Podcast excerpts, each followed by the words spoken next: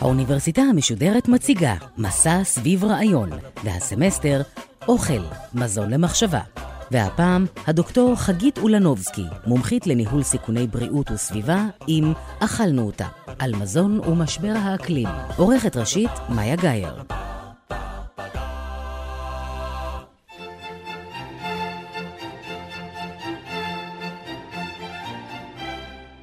שלום, אני חגית אולנובסקי. אני מומחית לניהול סיכוני בריאות וסביבה, ומלמדת על בריאות וסביבה ועל מזון וסביבה באוניברסיטת תל אביב, בפקולטה לחקלאות של האוניברסיטה העברית, במכללת אחווה ובמכללת תל חי. אני מתמקדת במחקר יישומי. זהו מחקר מדעי שמתוכנן מראש, כך שיוכל לתמוך במדיניות סביבתית, ולקדם מדיניות משופרת בישראל ובעולם. יחד עם מומחים נוספים, הקמתי את הפורום הישראלי לתזונה בת קיימא, לצורך איסוף והנגשה של ידע מבוסס עובדות ומדע, בנושאים של מזון, תזונה, סביבה וקיימות. במסגרת הזו, אנחנו עוסקים רבות במחקר לצורך שיפור מצב מערכת המזון בישראל, וגם בהקשר של משבר האקלים, או כמו שהתופעה הזו מכונה לפעמים, ההתחממות הגלובלית. אנחנו שומעים בשנים האחרונות יותר ויותר על משבר האקלים בתקשורת ובשיח הציבורי, אבל עדיין לא בטוח שכולם מבינים את המשמעויות. We are in the beginning of a mass extinction, and all you can talk about is money and fairy tales of eternal economic growth. How dare you? מדוע בעצם זוהמת הנערה גרטה טונברג? כל המדענים, הארגונים הבינלאומיים והממשלות מכירים בכך שהאקלים העולמי משתנה. לצד הפשרת הקרחונים בכתבים ובפסגות הערים, ועם ההתחממות בטמפרטורה הממוצעת ברוב חלקי העולם, אנחנו חווים יותר אירועי קיצון. סופות חזקות, שיטפונות, הצפות וגם בצורות קשות מאוד. אבהיר כי אירועי קיצון כאלו קרו כבר בעבר, אבל משבר האקלים נובע למעשה מעלייה דרמטית בתדירות של אירועי הקיצון האלו. כאשר אירוע הצפה של פעם במאה שנה קורה כמה פעמים במהלך עשור אחד, אין לנו ספק שהשינויים הללו מהווים תופעה חריגה ומדאיגה בקנה מידה עולמי שמחייבת היערכות. משבר האקלים תובע מאיתנו להתכונן להתמודדות עם ההשפעות השליליות שלו על חיינו, וגם לעשות ככל יכולתנו להפחית את הגורמים שהובילו להיווצרותו. כעת, השאלה היא, האם תצליח האנושות לעמוד בצמד המשימות הדרמטיות הללו, ובתזמון הנדרש. בהרצאה הזו לא נוכל, מפאת קוצר היריעה, לעסוק בכל האלמנטים הכרוכים במשבר האקלים, אלא נתמקד בהיבט אחד, מזון. ננסה להבין איך האוכל שלנו מושפע מן המשבר, איך הוא משפיע עליו, וגם כיצד הוא יכול להוות חלק מהפתרון.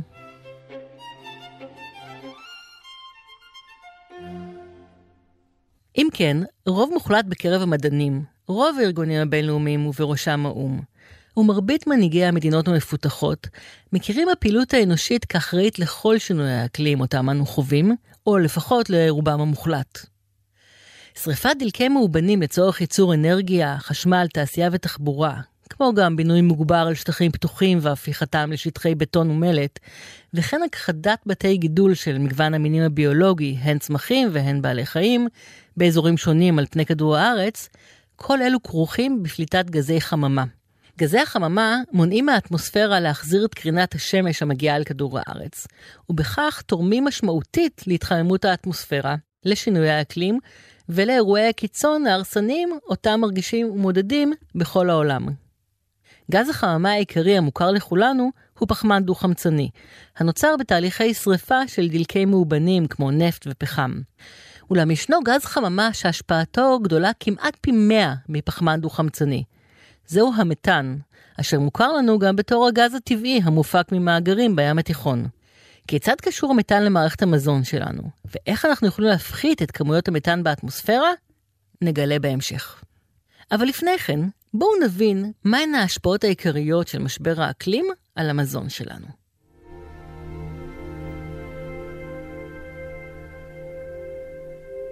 Massive flooding washed over parts of Nebraska, Iowa, and Missouri. Lingering high water has delayed planting for many growers who can't afford to miss out on a good crop this season. Low-lying Bangladesh is on the front line of climate change. Its farmlands facing constant floods, erosion and salinity. כך נראית בצורת מן האוויר ומן הקרקע. אדמה יבשה, עשרות אלפי דונם של חיטה שלא צמחה כראוי, הפסדי ענק וחקלאים מיואשים. התרגלנו כבר לדיווחים על בצורות קשות שפגעו ביבולים חקלאיים, או על הצפות ושיטפונות שהזיקו לתוצרת החקלאית בכמויות גדולות כל כך, עד שנוצר מחסור מקומי משמעותי. והדבר אף הוביל לעיתים לרעב כבד של התושבים, כפי שראינו בסוריה. אולם לא רק שיטפונות ובצורות קיצוניות משפיעים על כמות ואיכות התוצרת החקלאית. בכל העולם, בכל סוגי החקלאות, בין אם מדובר בחקלאות אינטנסיבית או בחקלאות מסורתית, שינויי הטמפרטורה ושינויים תכופים בתדירות ובעוצמת המשקעים גורמים לשינויים, לרוב שליליים, על כמות, בטיחות ואיכות התוצרת שמגיעה לשווקים.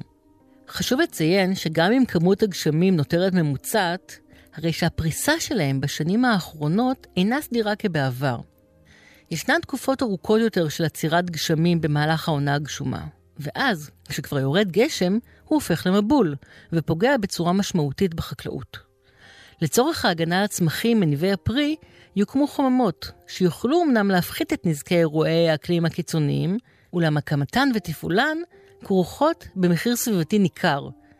אנרגיה לחימום או לקירור, שכידוע כיום מיוצרת בישראל מדלקי מאובנים מזהמים. פלסטיק לקירוי החממות שצריך להחליף כמעט כל שנה. ומכאן, גם עלייה במחירי התוצרת החקלאית שמגודלת בחממות. עלייה בתדירות אירועי הקיצון גורמת גם לעליית פרמיות הביטוח של החקלאים. ועלייה זו מביאה, כמובן, לעלייה במחירים, אותם אנו, הצרכנים, נשלם. לאור זאת, לאירועי קיצון כמו סופות, שערות, הצפות, שיטפונות ובצורות, יש השפעה משמעותית על זמינות ומחיר האוכל שלנו. ככל שתדירות אירועי מזג האוויר הקיצוני תגבר, כך אנו נשלם יותר עבור אותם מוצרי מזון שאנחנו רגילים לאכול היום. ההתחממות ברוב אזורי העולם מאפשרת נדידה של פגעים, כמו מחלות צמחים, פטריות, חיידקים, עשבים רעים וחרקים מזיקים, לאזורים בהם לא היו מוכרים קודם לכן.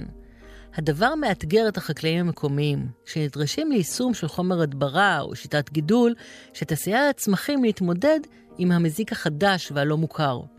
להתמודדות כזו יש עלויות, הן במחיר התוצרת החקלאית, והן בנזק הסביבתי הנוסף שנגרם כתוצאה מהשימוש הגובר בחומרי הדברה ודישון. ההשפעה השלילית הזו מועצמת בישראל ובמדינות מפותחות נוספות כמו ארצות הברית, בשל חקלאות בעלת אופי מאוד אינטנסיבי, וכאשר מגדלים זן אחד בלבד של אותו צמח על פני שטחים נרחבים מאוד. חקלאות כזו מכונה מונוקולטורה, ומהווה גורם סיכון לפגיעה בתוצרת המגודלת מזנים מסחריים יחידים. לדוגמה, כמה זני מלפפון מגודלים בישראל? בגדול, אחד.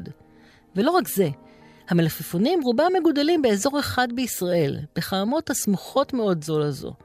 אם יפגע וירוס במלפפון הישראלי ולא יימצא חומר הדברה שיוכל לחסל אותו, נצטרך כולנו לשלם עשרות שקלים לקילו מלפפונים, או לוותר על המלפפון בסלט למשך שבועות ארוכים. אבל בניגוד לתסריטים מעוררי חשש מסוג זה, יש השפעות שכבר ניכרות בישראל הלכה למעשה. באזורים החמים יותר, כמו הנגב והערבה, אשר העלייה בטמפרטורה כבר מורגשת בהם, ניתן לגדל ירקות ופירות מחוץ לעונתם. לאחרונה החלו לשווק ענבים ישראליים במהלך כל חודשי השנה, גם בחורף. מצד שני, גידולים הזקוקים לקור, כמו עצי פרי נשירים, הנושאים פירות בקיץ, עלולים בקרוב מאוד להיפגע מההתחממות הגלובלית והמקומית, והתוצרת תפחת בהתאם. גם מצב משק המים משפיע כמובן על כמות התוצרת החקלאית ואיכותה. ירידה בזמינות המים, ירידה באיכות המים המגיעים לשימוש בחקלאות, ועלייה באירועי קיצון אקלימיים, כל אלו כרוכים בסיכון משמעותי לאספקת מזון בריא במחיר סביר לכלל האוכלוסייה. להתחממות יש השלכה גם על משק החלב. באופן קבוע בחודשי הקיץ, כשחם לפרות, הן מפיקות כמות פחותה של חלב, בשל כך נוהגים הרפתנים לצנן את הרפתות באמצעות מתזי מים ומאווררי ענק.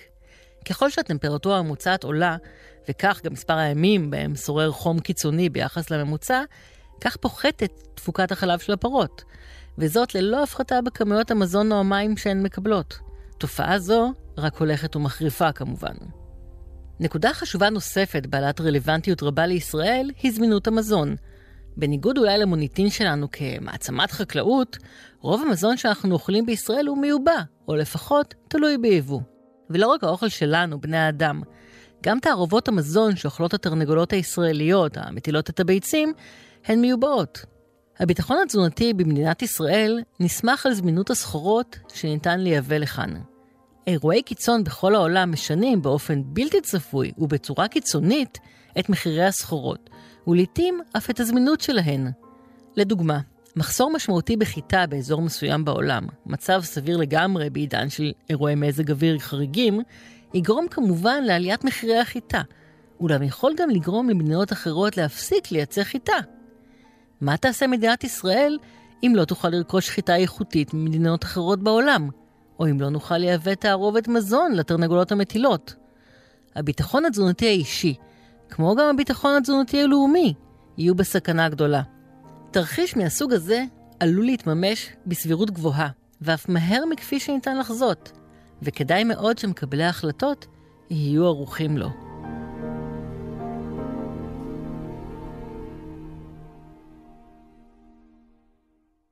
עד כאן תיארתי את השפעתו הנוכחית והשפעתו הצפויה של משבר האקלים על המזון שאנחנו אוכלים בישראל ובעולם כולו.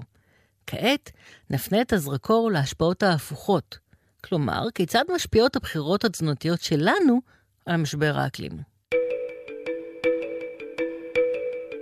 בשנת 2006 פרסם ארגון המזון והחקלאות של האו"ם דוח מומחים בשם צילו הארוך של משק החי, אשר הסב את תשומת הלב לנזקים הסביבתיים שגורמת תעשיית המזון מן החי. השפעותיה, נכתב בדוח, היו רחבות בהרבה מכפי שנודע עד אז, ונגעו בזיהום קרקעות, שינויי אקלים, זיהום אוויר, מחסור במים וזיהום מים, ואובדן של מגוון ביולוגי. למעשה הדוח קבע כי תעשיית משק החי היא מבין שתיים או שלוש התעשיות המזהמות ביותר, בקנה מידה מקומי וגלובלי. ממש בדומה לתחבורה או לייצור האנרגיה. כותבי הדוח ביקשו לא רק לאמוד את ההשלכות, אלא גם להציע אפשרויות שיסייעו לשיפור המצב, ועשו זאת בשורה של המלצות לצעדי מדיניות. אולם עם פרסומו, זכה הדוח לקיתונות של ביקורת מצד מומחים ומדענים מרחבי העולם, ובעיקר כמובן מצידה של תעשיית המזון מן החי. וכך הוא התקבל בקרב הציבור כמסמך שאמינות מומצאה ומפוקפקת, וכותביו מואשמים בהגזמה ובפרופגנדה טבעונית. מאז עברו לא מעט שנים, ובחלוף הזמן התמונה השתנתה. הדוח צילו הארוך של משק החי פתח את הדלת למחקרים רבים הבוחנים את המחיר הסביבתי של מוצרי מזון מן החי. ולאור הנתונים הקיימים כיום, מוסכם על כל המומחים כי בניגוד לספקות שהועלו עם פרסומו, הדוח היה מדויק מאוד, אמין ולא מוגזם כלל וכלל. נדמה שבשנים שעברו מאז, הביקורת כלפי תעשיית המזון מן החי הפכה לנחלת רבים יותר. ועדיין, רוב האנשים אינם מצויים בפרטים הללו. אז בואו נעשה סדר. ראשית, מהם מוצרי מזון מן החי? מדובר בכל מוצר מזון המיוצר באמצעות שימוש בבעל חיים, החל מדבש המופק מכוורות דבורים, דרך ביצים שמטילות תרנגולות וחלב שחולבים מהפרות, ועד מוצרי עוף, הודו ובשר בקר. ומהן ההשפעות הסביבתיות של הפקת מוצרי מזון מן החי? ובכן, ההשפעות הן מגוונות, ותלויות כמובן באזור ובשיטות הגידול. באופן כללי, אנחנו מתייחסים לשלל המשאבים הנדרשים לצורך הגידול של בעלי החיים עצמם. שטחי קרקע, מים להשקיה ולשתייה, חומרי דישון והדברה וכדומה. בכל הקשור לתעשיית המזון מן החי, אנחנו מכלילים גם את המזון שאוכלים בעלי החיים. תערובת המזון של התרנגולות, וגרעינים, קש, שחת ותחמיץ שאוכלות הפרות. גם לגידול כל המזון הזה נדרשים שטחי קרקע עצומים, מים להשקיה, אנרגיה לחריש ולקטיף, ועוד ועוד. בנוסף לכל המשאבים הסביבתיים הנדרשים האלה, יש מחיר סביבתי נוסף לגידול בעלי החיים להפקת מזון. הזיהום הסביבתי שנוצר בתהליכי הגידול עצמם. הסיבות מגוונות. טיפול בצואת בעלי החיים ובתשטיפים, כלומר, כל מה שזורם החוצה מהרפת ומהלול, סימפטי זה לא. כל זה דורש מתקן טיהור שפכים מקומי, עודפים של חומרי דישון והדברה זולגים לסביבה הטבעית הסמוכה לחווה החקלאית. ולצד זאת, לצורך גידול מזון לבעלי החיים או לצורך מרעה פתוח, נכרתים יערות באזורים הטרופיים באופן מסיבי, וכך נמנעת השפעתם החיובית במניעת זיהום אוויר. מעבר לכל הנזקים הסביבתיים האחרים, ראוי לשים לב במיוחד לפליטת גזי החממה כתוצאה מגידול הבקר, שהוא ככל הנראה התוצר הגרוע ביותר של תהליכי הגידול. מעבר לפליטה של פחמן דו-חמצני, פולטות הפרות את גז המתאן שהזכרנו בפתיחה. המתאן מופק לא רק במאגרים בים התיכון, אלא מיוצר גם בתהליכים טבעיים של פעילות חיידקים המפרקים חומר צמחי בקיבותיה של הפרה. המתאן שמשחררות הפרות לאטמוספירה מהווה גז חממה מאוד אפקטיבי, גרוע כמעט פי מאה מפחמן דו-חמצני. בנוסף, מהזבל שמייצרות הפרות נפלט חמצן דו-חנקני, המהווה גם הוא גז חממה חזק מאוד. הפליטות המסיביות של הגזים הללו גורמות להגברה ולהחמרה מהותיות של משבר האקלים העולמי. וחשוב לומר, תרומתם השלילית עולה עם כל סטייק או המבורגר שאנחנו אוכלים. בבואי לסכם את העלות הסביבתית של המזון שלנו, אנסה לפשט ולהכליל. לכל מוצר מזון יש מחיר סביבתי כלשהו. אורז למשל, דורש מים רבים בתהליך גידולו. גידולים צמחיים אחרים דורשים שימוש בחומרי הדברה, וכמעט כל הגידולים זקוקים לדישון. אבל, וזה אבל משמעותי, מוצרי מזון מן החי דורשים משאבים סביבתיים רבים יותר. הסיבה לכך טמונה בעובדה שלא כל האנרגיה שמגיעה אל בעל החיים במזון שהוא אוכל, מגיעה אלינו כשאנחנו אוכלים את התוצר, חלב, גבינה, ביצים או סטייק. חלק מהאנרגיה הזו מופנית לתהליכי החיים של בעל החיים. נשימה, תנועה, אכילה וכל פעילות אחרת. מנקודת המבט שלנו, ניתן לחלק את האנרגיה שמקבלת הפרה או התרנגולת לשני חלקים. חלק שמתבזבז על תהליכי החיים הרגילים, וחלק שנשמר במוצר מזון שאנחנו אוכלים, ביצה, חלב או סטייק. מכיוון שהחלק שמעניין אותנו במיוחד הוא מוצר מזון שאנחנו אוכלים, אנחנו מגדירים יחס שנקרא יעילות ההמרה. כמות הקלוריות שמגיעות אלינו במוצר המזון, חלקי כמות הקלוריות שאכל בעל החיים. ככל שבעל החיים יעיל יותר בהמרת האנרגיה ממזונו למזוננו, כך נקבל יחס יעילות המרה גבוה יותר. לדוגמה, יעילות ההמרה של עוף, ביצים ומוצרי חלב היא בערך 15%. כלומר, מכל 100 קלוריות שאוכלת הפרה או תרנגולת, אנחנו מקבלים כ-15 קלוריות בביצה, או בחלב, או בבשר העוף. יעילות ההמרה של בקר לבשר נמוכה אף יותר. זה אולי נשמע מפתיע, אבל מ-100 קלוריות שאוכלת הפרה, נקבל רק 3 קלוריות בסטייק. זוהי יעילות המרה של 3% בלבד. אנחנו יודעים כבר לחשב את המשאבים הסביבתיים הרבים שמושקעים בגידול והפקת מוצרי המזון שלנו. שטחי הקרקע, כמויות המים, פליטת גזי החממה וכולי. רבים מהמשאבים הללו מושקעים, כאמור, בגידול המזון שאוכלות חיות המשק. כלומר, ככל שיעילות ההמרה של בעל החיים נמוכה יותר, כך נדרשים משאבים סביבתיים רבים יותר לצורך הפקת המזון שאנו אוכלים. במילים אחרות, הנזק שנגרם לסביבה כתוצאה מאכילת בשר בקר הוא פי חמישה לפחות, ואולי אפילו יותר, מהנזק הסביבתי שנגרם כתוצאה מאכילת אותה כמות קלוריות של עוף, מוצרי חלב או ביצים. הדבר נובע, כאמור, מיעילות ההמרה הנמוכה של בשר הבקר. בנוסף להשפעות הסביבתיות השליליות של מזון מן החי, לכל מוצר מזון שמשונה ממקום למקום, יש מחיר סביבתי נוסף, מחיר ההובלה. פליטת גזי החממה, זיהום האוויר של המטוס, המשאית או הספינה, ועוד.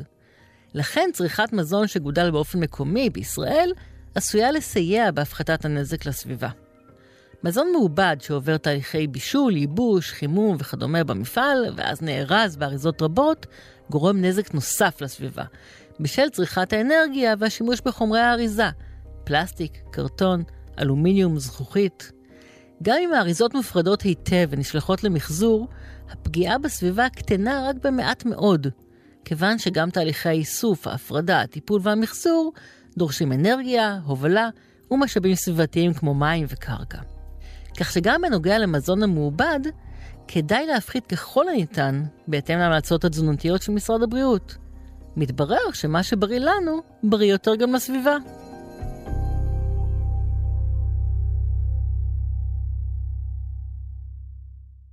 תרומה שלילית משמעותית נוספת למשבר האקלים, והאחרונה שאזכור כאן בשל קוצר הזמן, הינה בזבוז מזון. בממוצע, אנחנו אוכלים רק חצי מהמזון שמיוצר. איך זה קורה? עוד בשדה או במטע, חלק מהתוצרת החקלאית אינה נאספת.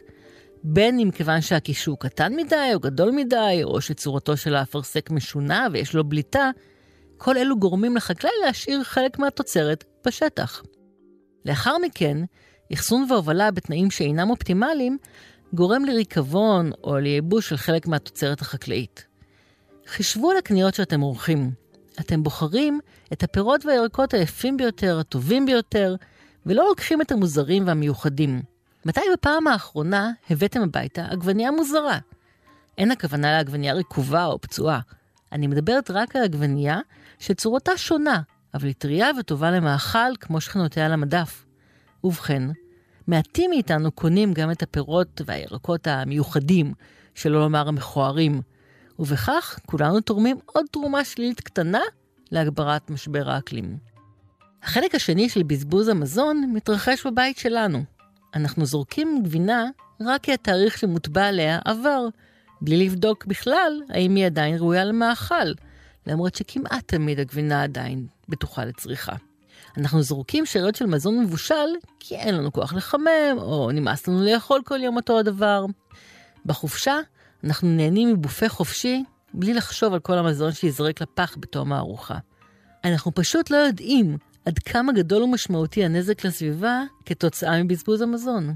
לא מדובר רק על משאית הזבל שאוספת את האשפה ועל הדרך משאירה גזים מאגזוז הפליטה ברחובות שלנו. ואז במשאית הגדולה יותר, שנוסעת כל הדרך עד לאתר ההטמנה, שם הפסולת שלנו תופסת שטח קרקע יקר, ופולטת גם היא מתאן במהלך שנות ההטמנה. מדובר גם על כל המשאבים הסביבתיים שהושקעו בגידול וייצור המזון.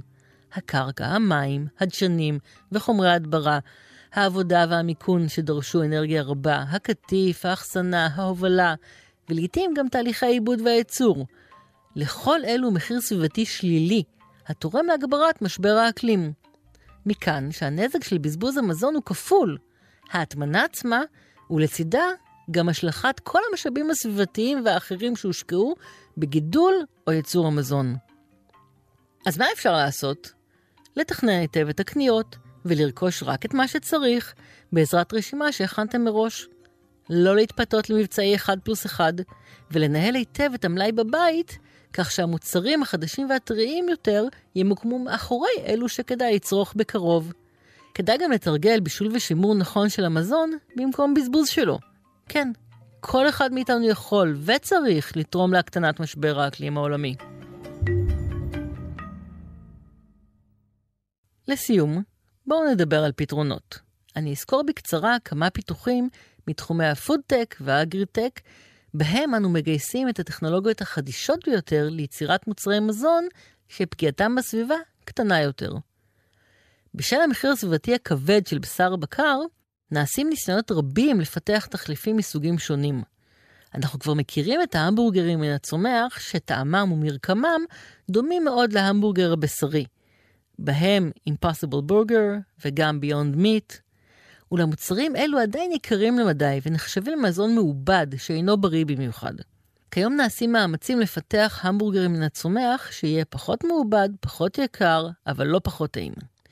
במקביל, מדענים וסטארט-אפים מגדלים סטייקים במבחנות או בכלי מעבדה דומים.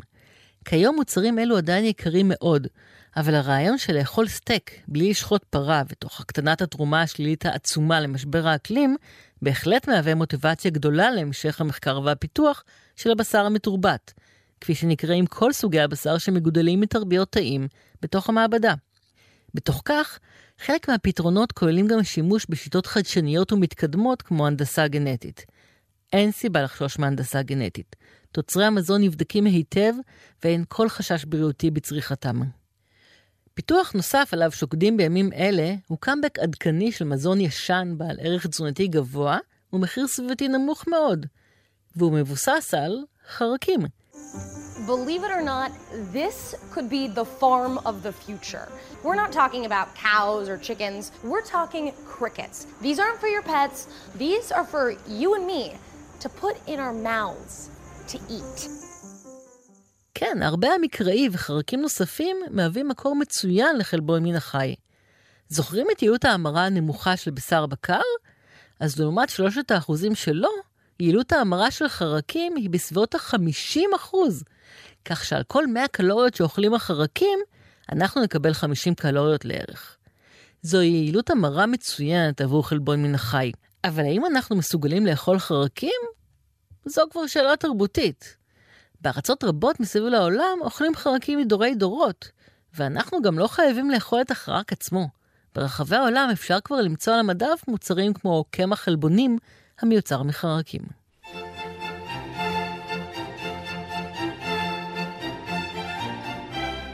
לסיכום, אני רוצה להמליץ לכל אחת ואחד מאיתנו לחשוב מעט יותר על הבחירות התזונתיות שלה או שלו. האם אתם יכולים להפחית בצריכת הבשר, בעיקר בשר בקר? האם תוכלו לצמצם את בזבוז המזון אצלכם בבית ובחוץ? האם תהיו מוכנים לנסות סוגי מזונות חדשים שפגיעתם בסביבה מופחתת? אם התשובה היא חיובית, תתרמו גם אתם לצמצום משבר האקלים. קל מאוד לבחור בגישה האומרת שאין בכוחו של היחיד לעשות שינוי גלובלי. אבל אני מעדיפה את הגישה האומרת שאוסף של הרבה שינויים קטנים, שכל אחד יכול לעשות בקלות יחסית, משמעותי מאוד ברמה הגלובלית. כמובן שטבעונות, כלומר, אי צריכה של מוצרי מזון מן החי, היא הטובה ביותר לסביבה. אבל למרות שתזונה טבעונית יכולה להיות בריאה ומאוזנת, הטבעונות אינה התזונה המתאימה ביותר לכל אדם. אבל כמעט כל אחד מאיתנו יכול לבחור את מזונו כשהוא מודע להשפעות הסביבתיות השליליות של מוצרי מזון מן החי ולקשר בין בשר בקר למשבר האקלים. הנתונים מראים שהישראלים, בממוצע, אוכלים יותר מדי בשר ועוף. למעשה בערך פי שתיים מהמומלץ מבחינה בריאותית. וגם משרד הבריאות ממליץ על תזונה ים תיכונית הכוללת מגוון של פירות, ירקות, דגנים מלאים ואגוזים. מומלץ לאכול מנת קטניות בכל יום, ואילו מנת עוף או דגים רק פעמים בודדות בכל שבוע, כלומר לא בכל יום. מבחינה בריאותית, מומלץ מאוד להפחית ככל האפשר באכילת בשר בקר, לא יותר מפעם אחת בחודש. הנה, לא בפעם הראשונה, מתברר שמה שבריא לאדם, בריא גם לסביבה. אם כל אחד מאיתנו יפחית מעט את צריכת המוצרים מן החי, בדגש על בשר בקר, נוכל לשפר את בריאותנו ולהיטיב עם הסביבה. כמובן שנדרש מאמץ עולמי, בראש ובראשונה של קובעי המדיניות, על מנת לפתור את משבר האקלים. אבל הנה עומדת בפני כל אחד מאיתנו, קטן ככל שיהיה, הזדמנות לקחת חלק בשינוי עולמי, שעשוי להציל את הכדור שלנו. אם לא עברנו כבר את נקודת האל-חזור, אולי עוד נצליח להציל את העולם באמצעות הצלחת שלנו. יש סיכוי שעדיין לא אכלנו אותה לגמרי.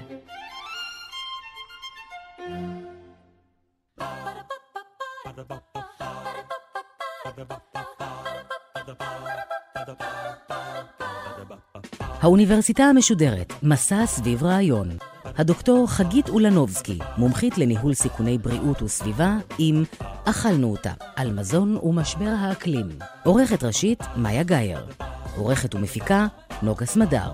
האוניברסיטה המשודרת, בכל זמן שתרצו, באתר וביישומון גלי צה"ל ובדף הפייסבוק של האוניברסיטה המשודרת.